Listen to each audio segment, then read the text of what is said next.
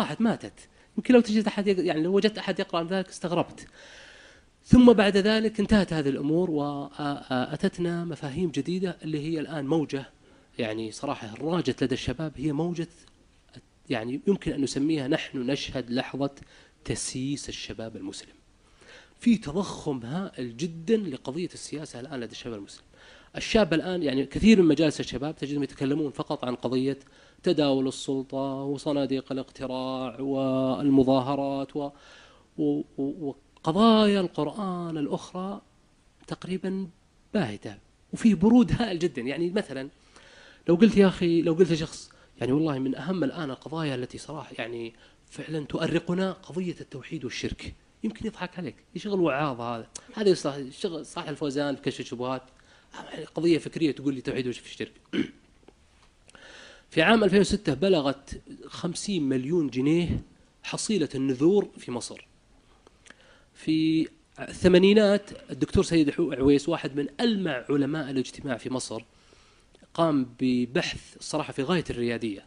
ذهب إلى ضريح الإمام الشافعي الذي يقال ضريح الإمام الشافعي في مصر وكان يرمى فيه أوراق يرمون فيه العامة أوراق يحجون ويرمون فيها أوراق. فطلب من السلطة الدخول وأخذ هذه الأوراق وإجراء دراسة اجتماعية بأدوات علم الاجتماع السوسيولوجيا بأدوات علم الاجتماع لدراسة هذه الظاهرة وفعلا كانت صراحة فكرة في غاية الطرافة يعني شق شق طريقة جديدة للتفكير في أسئلة علم الاجتماع. ودرسها وأخرج هذه النتائج وسماها الرسائل المرسلة إلى ضريح الإمام الشافعي. الظواهر الجديدة في مصر ونحو ذلك، طبعت عام 1965. آه، اطروحه طريفة جدا. آه، وقال هو إن عدد الأضرحة في مصر حول 1800 في مصر في المغرب العربي يوجد يعني يوجد أضرحة آه، بويا عمر و آه، سيدي عيسى في مكناس. أضرحة كثيرة جدا يزورها الناس ويحجونها. عوانس يريدون الزواج عاطل يريد الوظيفة آه، فقير يريد المال. بعض الناس يقول فيها حظ. بل مجموعة من التقارير التي كتبت عن هذه الأمور بعضهم يقول خريج قانون وبعضهم خريج هندسة. شيء غير معقول يعني خريجين علوم مدنية ومع ذلك الحين يتعلقون بهذه الشركيات. يعني بالله لو بعث فينا نبي من الأنبياء نستغرب يعني نشتغل بكثير من القضايا وننفق فيها أوقات والقضية التي بعث فيها الأنبياء ولقد بعثنا في كل أمة رسولا. أن يعبدوا الله واجتنبوا الطاغوت. الأنبياء بعثوا في أمم فيها حضارات وفيها تخلف وفيها استبداد وفيها وفيها تذرر سياسي أصلا لا شورى ولا غيره.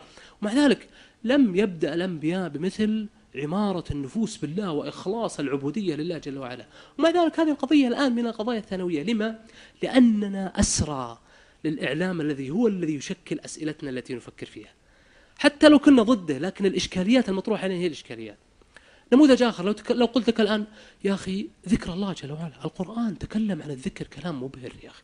يعني الله تعالى يقول يقول مثلا فإذا قضيتم الصلاة فاذكروا قضينا الصلاة؟ قال فاذكروا الله قياما وقعودا وعلى جنوبكم. شوف كيف لاحظ كيف استوعب الذكر سائر الأحوال. ويقول في الحج فإذا قضيتم مناسككم فاذكروا الله كذكركم آباءكم أو شد ذكرى وقال لموسى آه، آه، اذهب آه، بآيات ولا تنيا في ذكري. لا تفترى. يا, م... يا ما قال له يعني عندك قضايا كبرى وأحرص على إعداد تنظيم جيد وخطة ومنظور استراتيجي كل هذه مهمة. ولكن قال له ولا تنيا في ذكري. وموسى نفسه قال هارون أخي اشتبه يزري والشكل كي نسبحك كثيرا. جعل أولى وظائف النبوة تسبيح الله جل وعلا. فهذه القضية التي هي عمارة النفوس بالله سبحانه وتعالى حب الله التوكل عليه آه، التوكل, التوكل بالمعنى الذي يريد القرآن. جاء التوكل في كتاب الله في سبعين موضعا. أتحداك أن تأتي لي بقضية من قضايا الفكر المعاصر جاءت في القرآن بمثل هذا العدد. ثم وازن يا أخي اهتمامنا بقضية التوكل في خطابنا الفكري والنهضوي. لا شيء. التوكل هو اعتماد القلب على الله. تفويض الأمور إليه.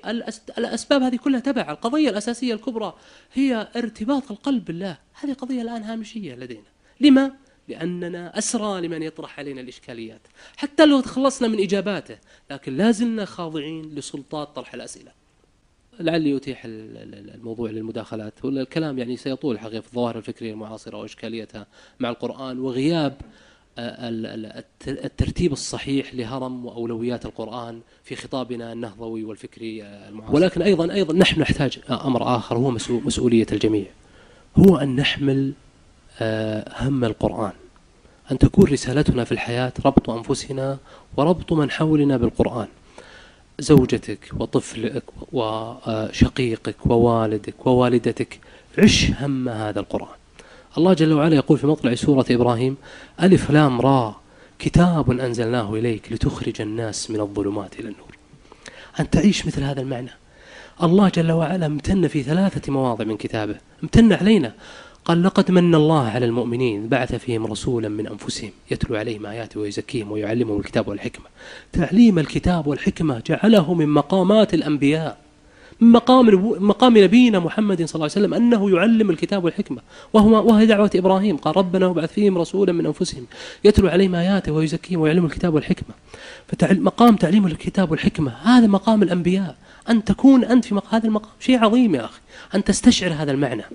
لا يعني أن تتخلص من وهج الألفاظ الفكرية الرنانة وأنها هي هي الشرف الحقيقي. مع أهميتها طبعا يعني طالب العلم الآن يحتاج إلى المكون الإيماني والمكون العلمي